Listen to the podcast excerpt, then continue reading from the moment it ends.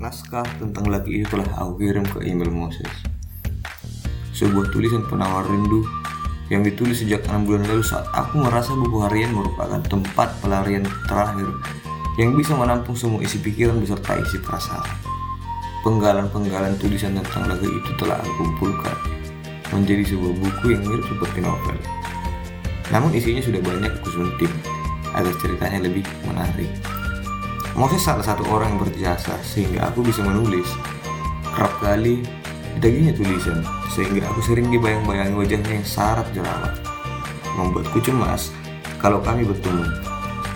Tapi sekarang tulisan itu sudah selesai. Sekarang tinggal menunggu tanggapan darinya.